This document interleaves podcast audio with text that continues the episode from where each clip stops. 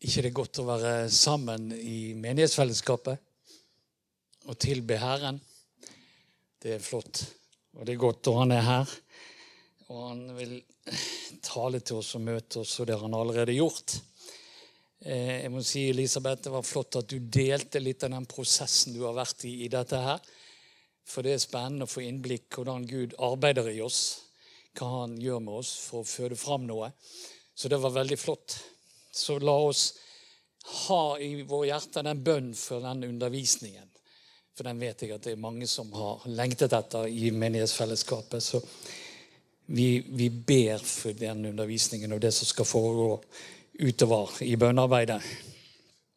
Ja, hovedtemaet forkynnelsen første del av høsten er altså overgivelse. For Gud ønsker overgivelse. I Romane 12, 1-2 står det ved Guds barmhjertighet formaner jeg dere brødre til å bære legemet fram som et levende og hellig offer som er til Guds behag. Det skal være deres åndelige gudstjeneste. Og la dere ikke lenger prege av den nåværende verden, men la dere forvandle ved at sinnet fornyes, så dere kan dømme om hva som er Guds vilje, det gode, det som er til hans behag, det fullkomne. Vi har sett, og vi ser utover denne høsten, på hvem vi overgir oss til. Vi ser på at det går an å overgi seg til noe som er usunt. Og så ser vi på overgivelsen til enkeltpersoner i Bibelen som vi har det beskrevet, og som blir forbilder for oss. Og i dag er vi kommet til Maria, Jesu mor. For hun blir òg utfordret til å overgi seg. Og hun overgir seg uten reservasjoner, som vi skal få høre. Jeg skal lese teksten da, fra Lukas 1. Lukas 1, 26-38 så har vi den med oss. Da det led på den sjette måneden, ble engelen Gabriel sendt fra Gud til en by i Galilea som heter Nasaret. Til en jomfru som var trolovet med Josef, en mann av Davids ett. Hennes navn var Maria. Engelen kom inn til henne og sa, Vær hilset, du som har fått nåde. Herren er med deg. Hun ble forskrekket over engelsk ord og undret seg over på hva denne hilsen skulle bety. Men engelen sa til henne, 'Frykt ikke, Maria, for du har funnet nåde hos Gud.' Du skal bli med barn og få en sønn, og du skal gi ham navnet Jesus. Han skal være stor og kalles den høyestes sønn. Herren Gud skal gi ham hans fars Davids trone. Og han skal være konge over Jakobs ett til evig tid. Det skal ikke være ende på hans kongedomme. Maria sa til engelen, 'Hvordan skal dette gå til når jeg ikke har vært sammen med noen mann?' Engelen svarte, 'Den hellige ånd skal komme over deg, og den høyestes kraft skal overskygge deg.' Derfor skal også barnet som er født, være hellig og kalles Guds sønn. Og hør nå, din slektning Elisabeth venter en sønn, hun også, på sine gamle dager. Det ble sagt at hun ikke kunne få barn, men nå er hun alt i, den, i sin sjette måned. For ingenting er umulig for Gud. Da sa Maria, 'Jeg er Herrens tjenerinne.' La det skje med meg som du har sagt. Så forlot engelen henne. Du verden. Og her er egentlig så mye at vi kan bare berøre noe av dette her. Det er fantastisk. Og Nå skal vi se litt nærmere på dette møtet Maria har med engelen. Engel Gabriel er en av de syv erkeengler som står ved Guds trone, står der i Bibelen. I åpenbaringen. Og der er han sammen med engel Mikael. Og det er de to som er nevnt med navn i Bibelen av englene.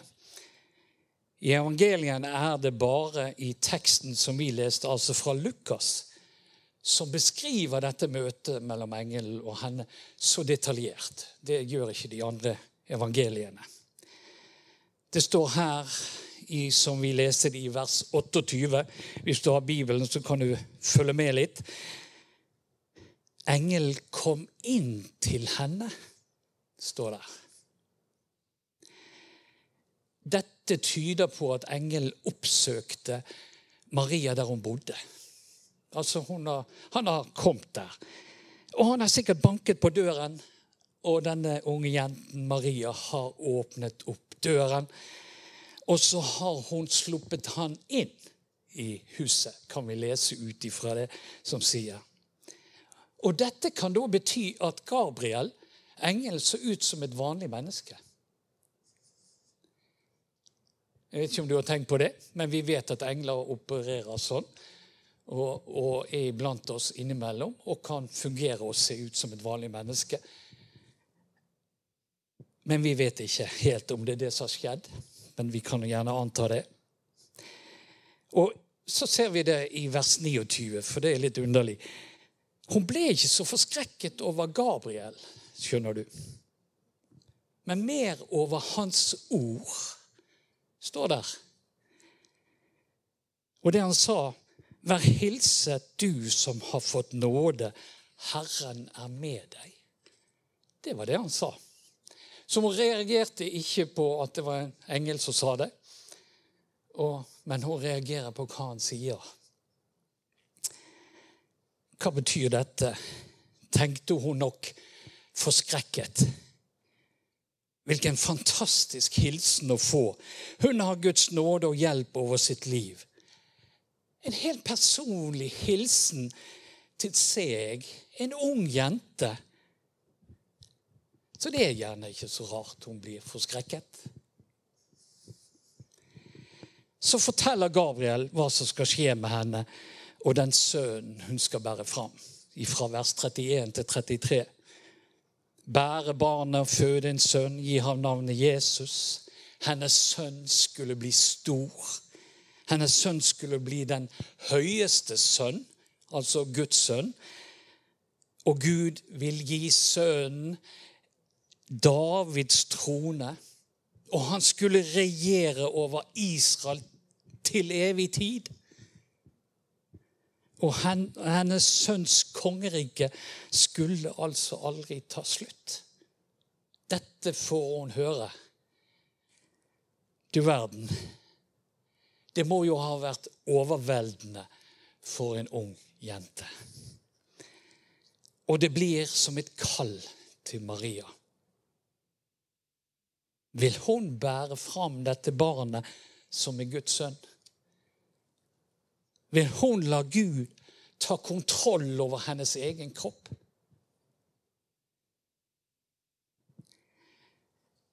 Når vi leser det neste verset, altså vers 34, så kan det ut som om Maria, mens hun lyttet til Gabriel med alt det enorme som han fortalte, har tenkt på følgene av det han fortalte. Maria sier, hvordan skal dette gå til når jeg ikke har vært sammen med noen mann? Sier hun. Bare ganske enkelt. Og hennes spørsmål kommer ikke av tvil, men mer et undrende og nysgjerrig spørsmål som hun har. Og det er som om det vi legger merke til her, er ikke så mye det hun spør om, men kanskje mer det hun ikke spør om i en sånn situasjon etter det hun har fått høre. For kanskje det er det som ville vært naturlig, så som Hva vil Josef tenke? Hva vil folk tenke om meg når de oppdager at jeg er gravid? Vil jeg falle i unåde hos familien og folket Hun dvelte ikke ved disse spørsmålene. Og hvis hun tenkte på denne måten, så avviste hun disse tankene og godtok Guds vilje med sitt liv. Og Maria svarer bare ganske enkelt, som vi leste, 'Jeg er Herrens tjenerinne.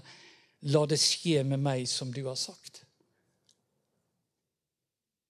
På en enkel og grei måte overgir hun seg fullstendig. ikke det fint? Det er veldig flott. Og den totale overgivelsen, den velsigner henne, som vi skal se. De spørsmålene hun ikke tenkte på som en følge av dette, de tenkte Gud på, og de tok han seg av. For hun var tross alt forlovet med Josef, og hennes graviditet ville kunne ses som utroskap av Josef, og den kunne ha merket henne omtrent som en prostituert i samfunnet. Men Gud beskyttet Marias rykte og framtid, og han sendte en engel for å snakke til Josef i drømmer, som vi hørte òg her i innledningen. Og Jeg har lyst til at vi skal lese dette her. Matteus 1, 18-25.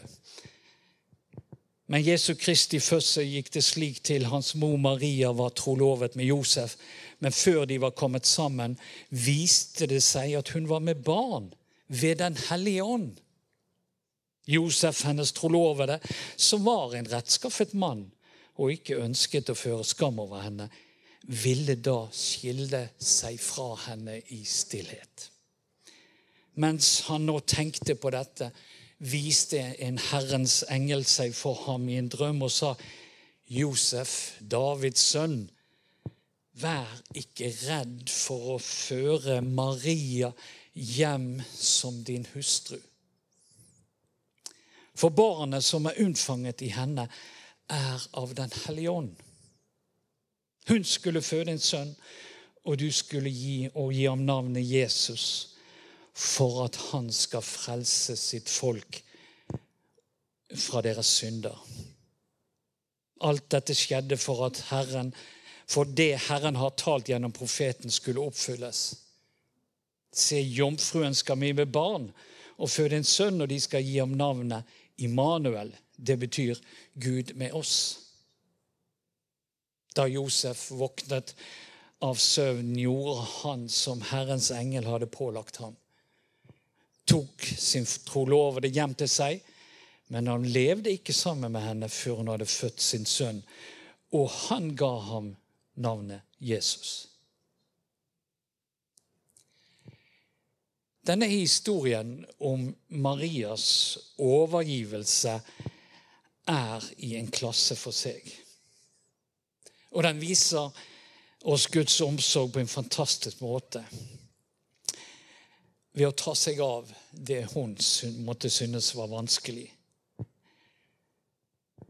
Men også det hun kanskje ikke engang hadde tenkt på.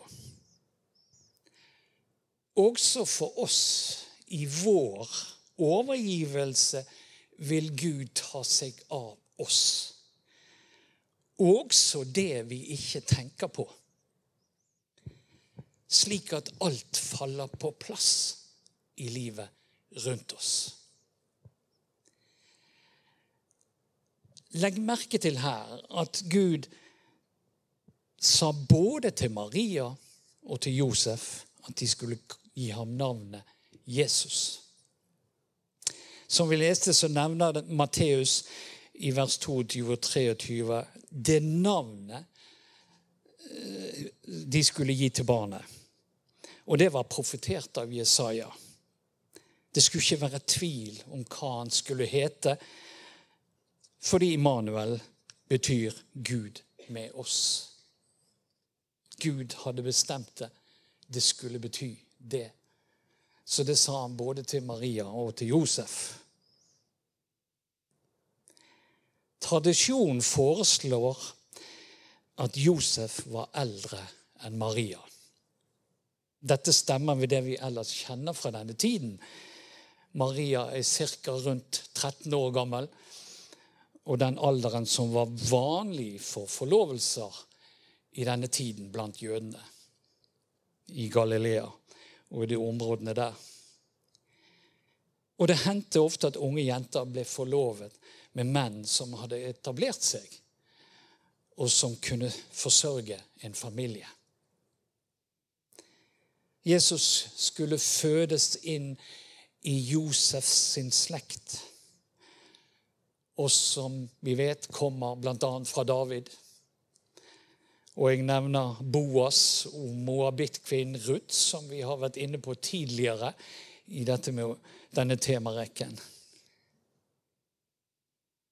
Engelen Gabriel nevner i sitt budskap til Maria at en slektning av henne venter barn. Det er Elisabeth, som er mye eldre. Elisabeth, presten Sakarias kone. Det betyr at Zakaria og Elisabeth tilhørte presteslekten i Israel, som stammer helt fra Aron, som var den første øverste prest i Israel. Og dette tyder altså på at Maria, som vi hører bare som en ung kvinne, kom fra denne Aron-presteslekten. Det kan se sånn ut når du legger ting sammen her. Etter en tid at engelen Gabriel hadde gitt dette budskapet til Maria, så ser vi at hun drar for å besøke Elisabeth, som også ventet barn. Og Jeg har lyst til å ta med litt fra det som skjer når disse to kvinnene møtes. Det var litt sterkt når jeg forberedte dette her. Og det kommer litt nå. For å høre dette her. Elisabeth Når hun møter Maria, så blir hun fylt. Og så taler hun profetisk over Maria, denne unge kvinnen som kommer til henne. Jeg leser fra Lukas 1, 41-45. Da Elisabeth hørte Marias hilsen rørte barnet seg i hennes liv, hvor hun ble fylt av Den hellige ånd, og sa med høy røst Velsignet er du blant kvinner, og velsignet er ditt livs frukt. Hvordan kan det gå til at min Herres mor kommer til meg, sier hun for da lyden av din hilsen nådde mitt øre, så hoppet barnet seg av fryd, sier hun. Og salig er hun som trodde at det Herren hadde sagt til henne, skulle gå i oppfyllelse.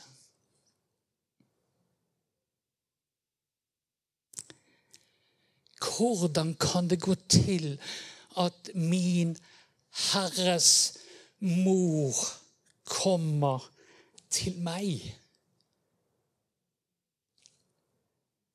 Elisabeth bøyer seg for Jesus og kaller han Herre før han blir født.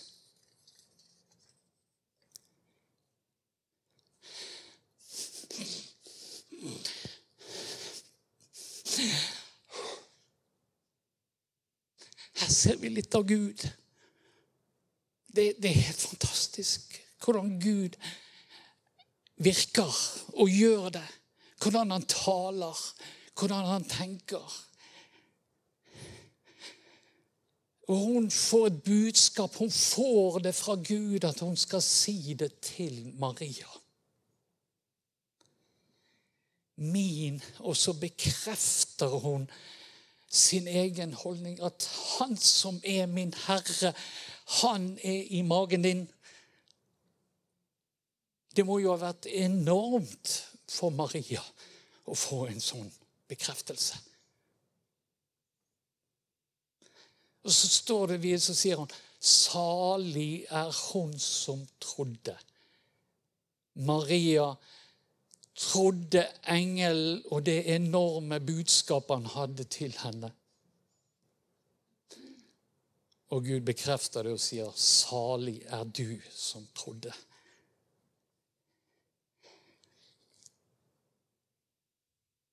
Hvordan kan denne unge jentens overgivelse være et forbilde for oss som lever i dag? Vi kan selvfølgelig ikke sammenligne den overgivelse vi blir utfordret til å gjøre med Marias. Men vi kan svare omtrent det samme til Guds kall som Maria gjorde. Maria sa, 'Jeg er Herrens tjenerinne. La det skje med meg som du har sagt.' Vi kan si, 'Jeg er Herrens tjener. La det skje med meg som du vil, Herre.' Det kan vi si. Jesus kaller oss til overgivelse. Til en fullstendig overgivelse. I Lukas 9, 23 sier han så sa han til alle, den som vil følge etter meg, må fornekte seg selv og ta opp sitt kort hver dag og følge meg. Gud kaller også oss til en fullstendig overgivelse. Maria sin overgivelse innebærer at hun gir tillatelse til en inngripen i sitt liv av Den hellige ånd, av Guds kraft. Det sto i vers 35 i Lukas 1. Den hellige ånd skal komme over deg, og den høyestes kraft skal overskygge deg. Dette er greit for Maria. Om det ikke er det samme, så er det også dette vi blir bedt om og tillate at Gud ved sin ånd gjør en inngripen i våre liv. Og la oss se litt mer på det. Johannes for han snakker om dette når han forkynner om talsmannen som skulle komme. Johannes 14, 17, Sannhetens ånd. Verden kan ikke ta imot dem, for verden ser ham ikke og kjenner ham ikke. Men dere kjenner ham, han blir hos dere og skal være i dere. Den hellige ånd skal altså være i oss, han skal ta bolig i oss, slik at det nye livet får vokse fram vår, fra vårt indre. Det er et liv som skal vokse fram hos oss. Et nytt liv. Ikke et barn, som i Marias tilfelle men et liv som forvandler oss og påvirker våre omgivelser. Og som Maria opplevde, at Guds kraft kom over henne, så sier Jesus til disiplene før han drar til himmelen, at de skal få Guds kraft. Men dere skal få kraft når Den hellige ånd kommer over dere, og dere skal være mine vitner i Jerusalem og i hele Judea og i Samaria og like til jordens ender. Og dette bekrefter Paulus at vi har fått denne kraften som Gud gir oss. I Efesene 1, 18-20 måtte han gi deres hjertes øye lys, så dere forstår hvilket håp han har kalt dere til, og hvor rik og herlig arven er for de hellige og hvor veldig den kraft er hos oss som tror. Med denne veldige makt og styrke reiste han Kristus opp fra døden og satte ham ved sin høyre hånd i himmelen. Den samme kraften har vi fått del i den har vi. La oss ikke glemme det. Så Gud bruker sin kraft, Den hellige ånd, til å legge ned i oss det han vil gi oss og bruke oss til. Og bruker sin kraft, Den hellige ånd, til å legge ned i Maria Jesus. Gud la en spire til Jesu liv ned i Marias liv, og hun godtok det. Kan vi tillate at Gud gjør en inngrip, inngrip i våre liv? Gud har bruk for oss til tjeneste for seg. Maria ble en veldig viktig del av Guds frelsesplan. Og vi som lever i dag, er òg en del av Guds frelsesplan. Vi har selv tatt imot Jesus som Herre, og vi er kalt til å bringe dette budskapet videre. Dette er vårt valg. Gud kaller oss, og han presser seg ikke på. Vi må ta imot det, vi må si ja, vi må respondere på det kallet. Og så har jeg lyst til å avslutte med noe av Marias lovprisning. Ikke hele den, men den står også i Lukas 1 til Gud etter at hun hadde hørt denne profetien vi leste i sted fra, som Elias, nei, Elisabeth fikk. Dette er Lukas 1, 46-49. Da sa Maria, min sjel opphøyer Herren, og min ånd fryder seg over Gud, min frelser. For han har sett til sin ringe tjenerinne fra nå av skal alle slekter prise meg salig, for store ting har han gjort imot meg. Han den mektige, hellig er hans navn. Altså, Maria bryter ut i en lovprisning der oppe sammen med Elisabeth. Min sjel opphøyer Herren, min ånd fryder seg over Gud denne unge jenten som har vært igjennom det vi har sett på. Møtet med Gabriel og det han sier skal skje med henne. Hun tar imot det i tro, og så får hun oppleve at Gud bekrefter hun, og bekrefter det. Og så bryter hun ut i jubel for det som har skjedd med henne.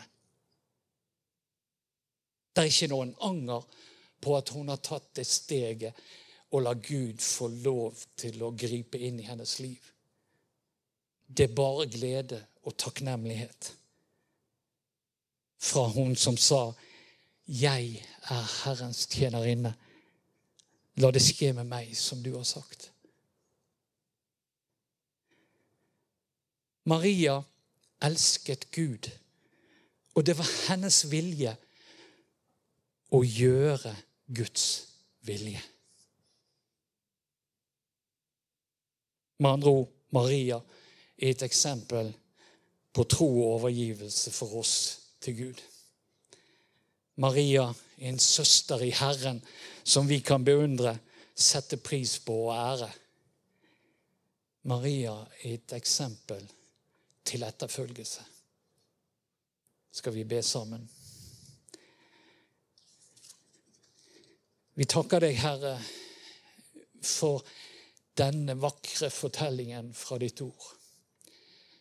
For denne fantastiske måten du lot din sønn føde, fødes på jorden. Og takk for at i dette så får vi lære noe og se noe. For du ønsker òg å bruke oss som du ønsket å bruke Maria. Du ønsker òg å fylle oss med din ånd, med din kraft, og utruste oss. Og du ønsker å sende oss ut til å gjøre det som du har kalt oss til. Og jeg ber, Herre, hjelp oss til å gi våre liv til deg, slik at du kan få bruke oss fullt ut sånn som du har tenkt. Takk for det vi har fått og er har i livet med deg. Og takk for at du ønsker å ta oss videre. Og vi legger vår liv i dine hender og priser og ærer deg for din storhet og din allmakt. Amen.